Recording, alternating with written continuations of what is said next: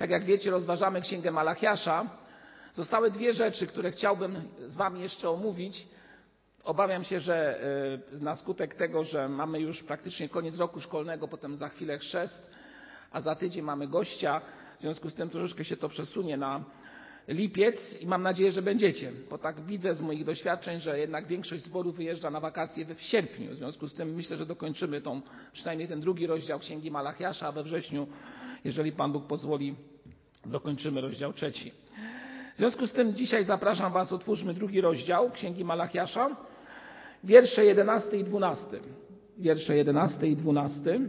Tak, one będą dzisiaj stanowiły, przynajmniej częściowo spróbujemy się im przyjrzeć. Nie wiem, czy pamiętacie y, nasze rozważania, y, w których mówiliśmy o tym, że Izrael, y, ten, który był za czasów Malachiasza, a właściwie w tym czasie, kiedy poselstwo od Boga zostało przekazane w sposób szczególny i tutaj nosi ono nazwę jako Księga Malachiasza. Jeszcze raz przypomnę, druga połowa V wieku przed naszą erą, ten czas wtedy właśnie jest tematem naszych rozważań, kiedy w Izraelu stoi już świątynia, stoją mury, które zostały wbudowane e, przez Nehemiasza i też o tym mówiliśmy tutaj. I wiele by się wydawało jest pozytywnych spraw w narodzie izraelskim, a jednak coś się tam dzieje, że Pan Bóg wysyła bardzo konkretne poselstwo do tego ludu, które jest aktualne do dzisiejszego dnia, także i dla Kościoła dzisiejszego, a potem przez długi okres czasu, e, no, poza może księgami deuterokanonicznymi, nie ma konkretnego E, e, że tak powiem, głosu Boga skierowanego do ludu i dopiero potem czytamy właśnie przyjście naszego Pana Jezusa Chrystusa. Jest kolejnym takim mocnym głosem skierowanym do ludu Bożego. A więc jedenasty i dwunasty wiersz drugiego rozdziału. Juda jest wiarołomny i obrzydliwość dzieją się w Izraelu i Jeruzalemie. Tak, Juda zbezcześcił świątynię, którą Pan miłuje i pojął za żonę córkę obcego Boga. Niech Pan doszczętnie wytępi tego, kto to czyni. Z namiotów Jakuba i tych, którzy składają ofiary Panu zastępów. Ostre słowa, nie? Dzisiaj mieliśmy taki radosny dzień świąteczny, można powiedzieć, kazanie też powinno być świąteczne.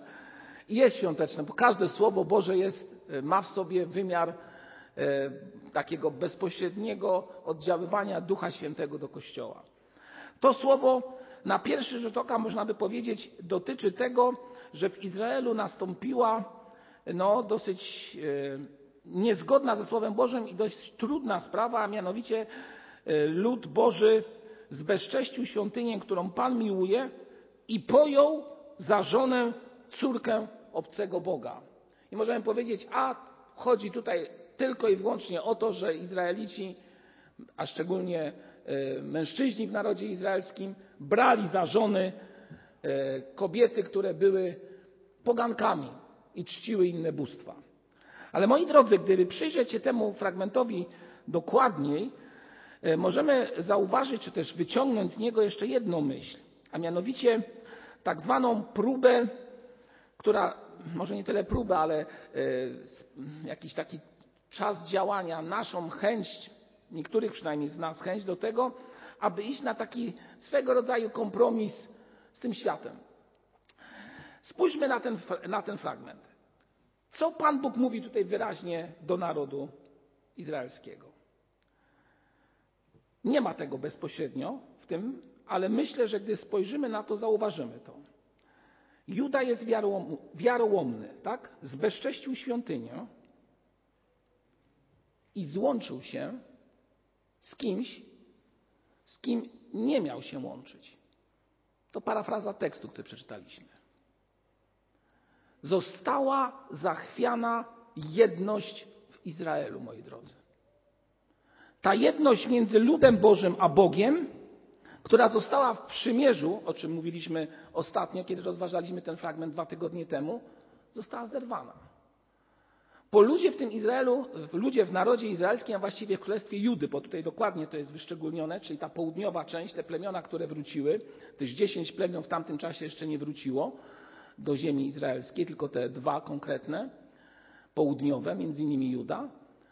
I oni zbezcześcili świątynię, bo zamiast trwać przy Bogu, który im pobłogosławił, który dał im tak wiele, pozwolił im po pierwsze wrócić z niewoli, po drugie dał im tekst Słowa Bożego, czyli zakon, który został odkryty, pamiętamy kwestię Zdrasza, i potem dał jeszcze możliwość człowieka, który był bardzo blisko władzy ówczesnej, który to po, po, powrócił i mając siłę, czy też można powiedzieć glejt od najwyższego króla ówczesnego czasu, dokonał zabezpieczenia Jerozolimy. I wydawało się, że jest wszystko dobrze, że wszystko zmierza w dobrym kierunku. Lud jest zadowolony, a jednak było mało tego dla ludu. To błogosławieństwo było zbyt małe dla nich. A może sobie pomyśleli tak, no dlaczego nie mamy iść na swego rodzaju kompromis? Czym są gorsze, tak powiemy bardzo brutalnie, kobiety, które tutaj mieszkają od naszych kobiet? Łączą się i burzą w ten sposób to, co Pan Bóg bardzo jednoznacznie zalecił. Tak jak powiedziałem, to słowo ma wymiar dosłowny, wzywający do tego, aby nie łączyć się z kobietami, które są niezwiązane, ale także i z mężczyznami, którzy są bardzo daleko od Słowa Bożego. I to jest wskazanie szczególnie dla młodych ludzi, którzy czasami mają problemy i mówią do mnie, bracie Marku. No może nie mówią bracie Marku, bo często mówią wujku, tak, przepraszam. A więc mówią do mnie wujku, a w naszym zborze to nie ma za dużo mężczyzn. Nie, nie. Trzeba się rozglądnąć, bo tutaj, no, aż się boję tego powiedzieć, słaby wybór. Znaczy oni tego nie mówią, ale to tak w tym odniesieniu jest powiedziane, nie? A więc rozglądają się po świecie, tak, wokół, wokół. No i potem przychodzą często do mnie i mówią, no ale to taki fajny człowiek, no. Ja mam taką relację, no nie znalazłem, czy też nie znalazłam kogoś w zborze, który by odpowiadał temu, o czym pragnę, czego, co sobie wymarzyłem, wymarzyłam. Moi drodzy, trudna sprawa, trudna sprawa. Ja mam świadomość, że jesteśmy y, kościołem mniejszościowym i faktycznie ten problem, który jest poruszany, a który teraz mówię, jest problemem, jest problemem. Ale z drugiej strony wierzę w tak zwaną moc modlitwy, nie tak zwaną, tylko faktyczną moc modlitwy, która i temu problemowi może zaradzić, co nie umniejsza temu, że dobrze jest, patrząc z perspektywy Słowa Bożego, szukać, to jest ta pierwsza część, taka bardzo dosłowna tłumaczenia tego fragmentu, szukać przyjaciela, przyjaciółki, przyszłej żony społeczności. I moi drodzy, nie chcę tutaj być jakimś, e, nie wiem, prorokiem, który będzie mówił, że no, należy szukać tutaj, bo tutaj są lepsi ludzie. To nie jest tak, moi drodzy. To nie o to chodzi. Doskonale wiemy, że chodzi o relacje z Bogiem. Chodzi o relacje z Bogiem. I to tak właśnie nie było, że naród izraelski został, właściwie Juda został napomniany przez Boga, mówiąc właśnie o tym, że zbezcześcił świątynię, bo zaczął brać kobiety z ludów pogańskich, dlatego że Bóg jest rasistą. Bóg nie jest rasistą. To nie chodzi o kwestię rasy, bo my to Izraelici, lud wybrany, a tutaj jacyś poganie barbarzyńcy. Bóg nie jest rasistą. Bo nie wiem, czy zauważyliście jedną rzecz, że jak z Izraelem, kiedy Izrael wychodził z Egiptu, tak, to Bóg pozwolił iść z nimi ludziom, którzy zaakceptowali ich religię i wiarę. A przypominamy sobie Rut Moabitkę? No kim ona była? Poganką. A z niej w tej tak zwanej ziemskiej linii wyszedł Jezus. Niesamowite, nie? Tak więc Bóg nie jest rasistą. Bóg wzywa nas do tego, abyśmy łączyli się między sobą, mając wspólnotę ducha, wspólną płaszczyznę, wspólny mianownik, którym jest nasz Pan Jezus Chrystus. Myślę, że rozumiemy to doskonale. I wiemy, o co w tym wszystkim chodzi. Bo jakaż może być wspólnota, gdy ktoś w rodzinie będzie chciał wielbić Boga, a drugi nie będzie chciał tego czynić? Jakaż wspólnota, gdy ktoś będzie chciał prowadzić dziecko do szkółki niedzielnej, aby na przykład zaśpiewały takie piękne pieśni, które słyszeliśmy, a druga osoba może nawet nie będzie przeszkadzać, Często słyszę takie stwierdzenia, wujku, ale wiesz, ten mój mąż to taki tolerancyjny w sumie jest, nie? No, on tak w sumie nie przeszkadza niczemu. No. no nie przeszkadza, zgadza się, nie przeszkadza. Ale pytanie jest następne. Czy modlisz się za niego? Czy walczysz o niego w modlitwie? Czy też jesteś na pozycji, nie przeszkadza, to trudno. I to jest kolejna sprawa, do której chcę Was wezwać. Są osoby pośród nas, które wyszły za mąż, ożeniły się z osobami, które Boga traktują owszem historycznie, tradycyjnie, ale bardzo często nie jest ten Bóg w ich sercu na tyle obecny, że Słowo Boże jest wykładnikiem wiary i prowadzi we wszystkim. Nie ma wspólnego mianownika, którym jest Jezus Chrystus. Co wtedy robić? Powiem tak, nie ma sytuacji beznadziejnej. Jest modlitwa, o czym wiemy. Jest staranie się o drugiego człowieka. Jest danie przykładu drugiemu człowiekowi. Ale znowu mi ktoś powiedział: O, to ja tak się staram, taka grzeczna jestem, taka uku, a on to wykorzystuje. Co wtedy? Chodzi o męża, że wykorzystuje tą potulność, czy też zgodę małżonki na wiele spraw, aby przyprowadzić go, swojego męża do Chrystusa. Powiem tak, wierzę w mod modlitwy. Jest tutaj pośród nas człowiek, nie wiem czy go widzę tutaj, tak jest, który, zawsze to powtarzam, przychodził do mnie, będąc ode mnie o prawie 15 lat starszy, na spotkania przygotowujące się do chrztu. Te spotkania się jeszcze odbywały w mieszkaniu, które tutaj, y, które było mieszkaniem zborowym, a które wtedy zajmowałem z żoną. I pamiętam, siadał, zawsze przychodził wcześniej, przed spotkaniem y, biblijnym, siadał w fotelu i tak rozmawialiśmy z sobą, jeszcze nim przyjdą następne osoby. On mówi, wie brat, wie brat, takim moim największym marzeniem, największym marzeniem mojego życia jest to, aby moja żona przyszła razem ze mną do zboru żebyśmy razem mogli się modlić, żebyśmy razem mogli Boga uwielbiać. Myślę, że ten człowiek wie, o kim mówię. Modlił się długo, bardzo długo. Ale dzisiaj siedzą razem z Bożem. I to jest moc modlitwy, moi drodzy. Więcej. Przyszli tutaj razem, aby prosić Boga o błogosławieństwo dla swojego małżeństwa. Cud? Jak to inaczej można nazwać? U Boga nie ma rzeczy niemożliwych. A więc, jeżeli myślisz o małżeństwie, zaufaj modlitwie. Nie wstydź się, jeżeli masz przyjaciela tak zwanego, z tak zwanej zewnętrznej strony zboru, o tak to określę. Nie wstydź się powiedzieć mu o Chrystusie ale módl się do Boga, aby jeżeli to jest możliwe, ten człowiek przyszedł do zboru, a właściwie nie tyle do zboru, co do Boga i zaufał w pełni.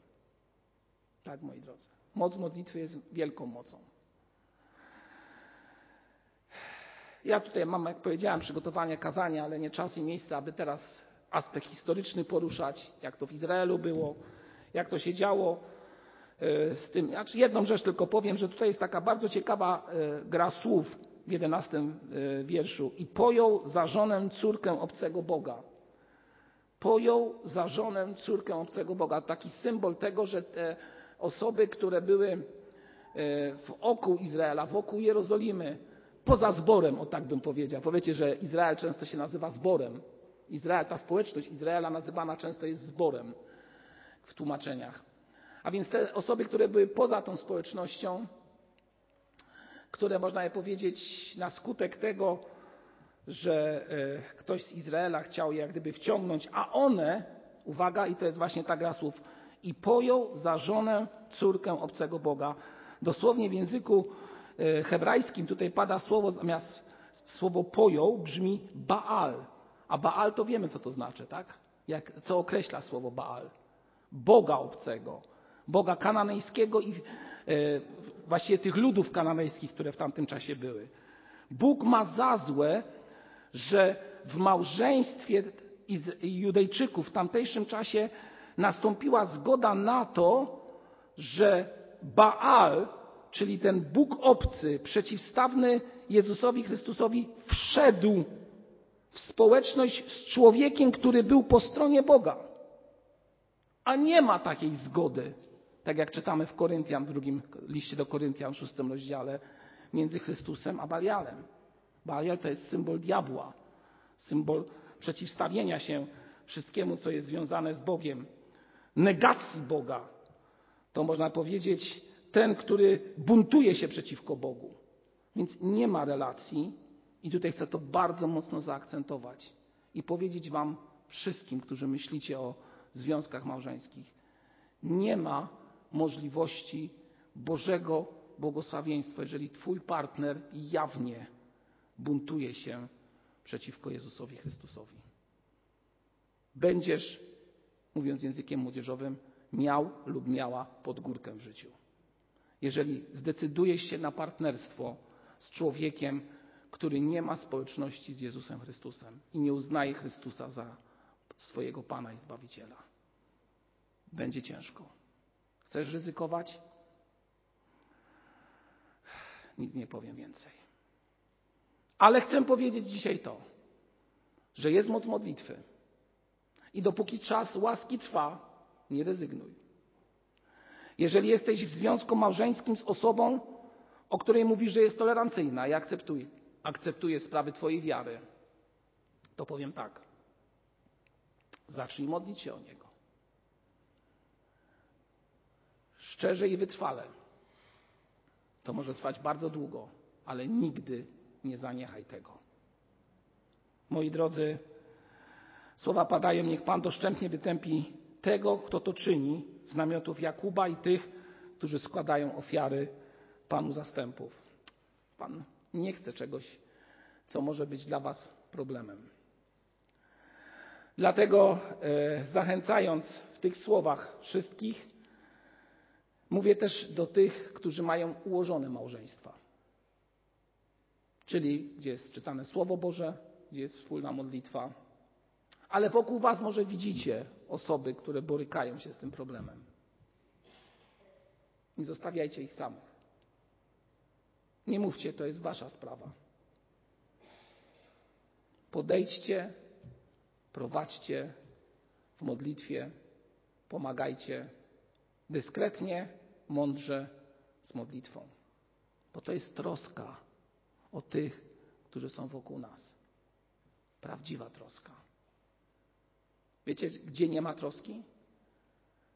Nie ma troski wtedy, jeżeli ktoś na przykład przyprowadza swojego przyjaciela, jeszcze nie małżonka, do zboru i słyszy jedno stwierdzenie: Zostaw go, będziesz potępiona, potępiony, jak będziesz z nim chodził, chodziła. Moi drodzy, może nie aż tak dosadnie, ale słyszałem czasami takie słowa. Straszne, nie?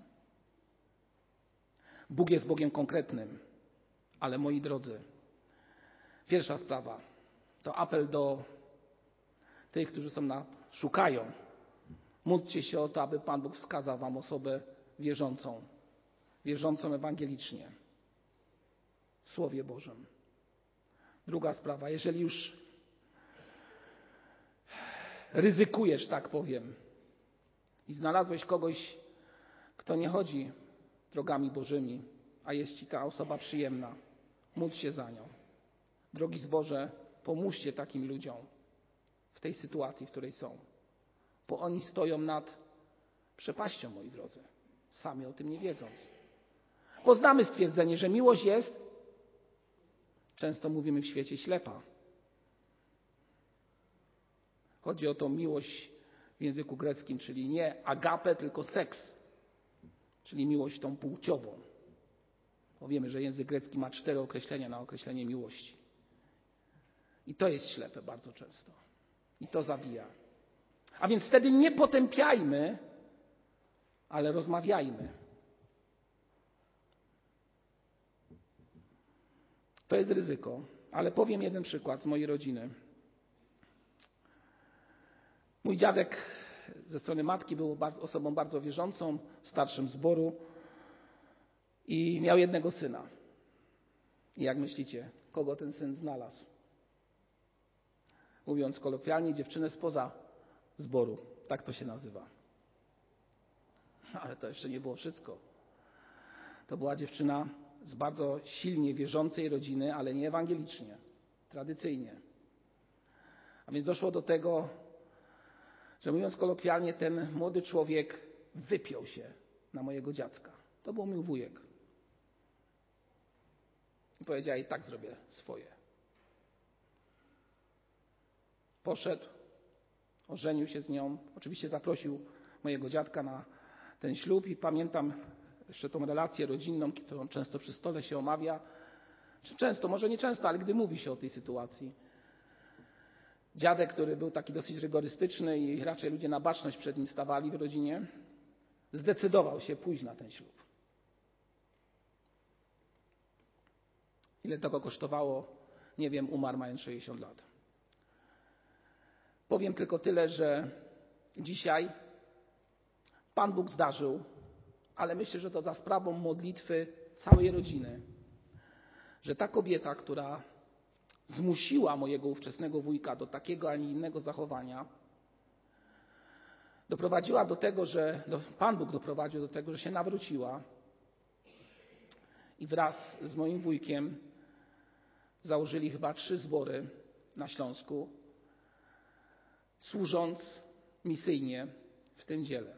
Pan Bóg ją użył, bo Pan Bóg nie jest standardowy, moi drodzy. Ale nie zawsze tak jest. Nie zawsze tak jest, moi drodzy.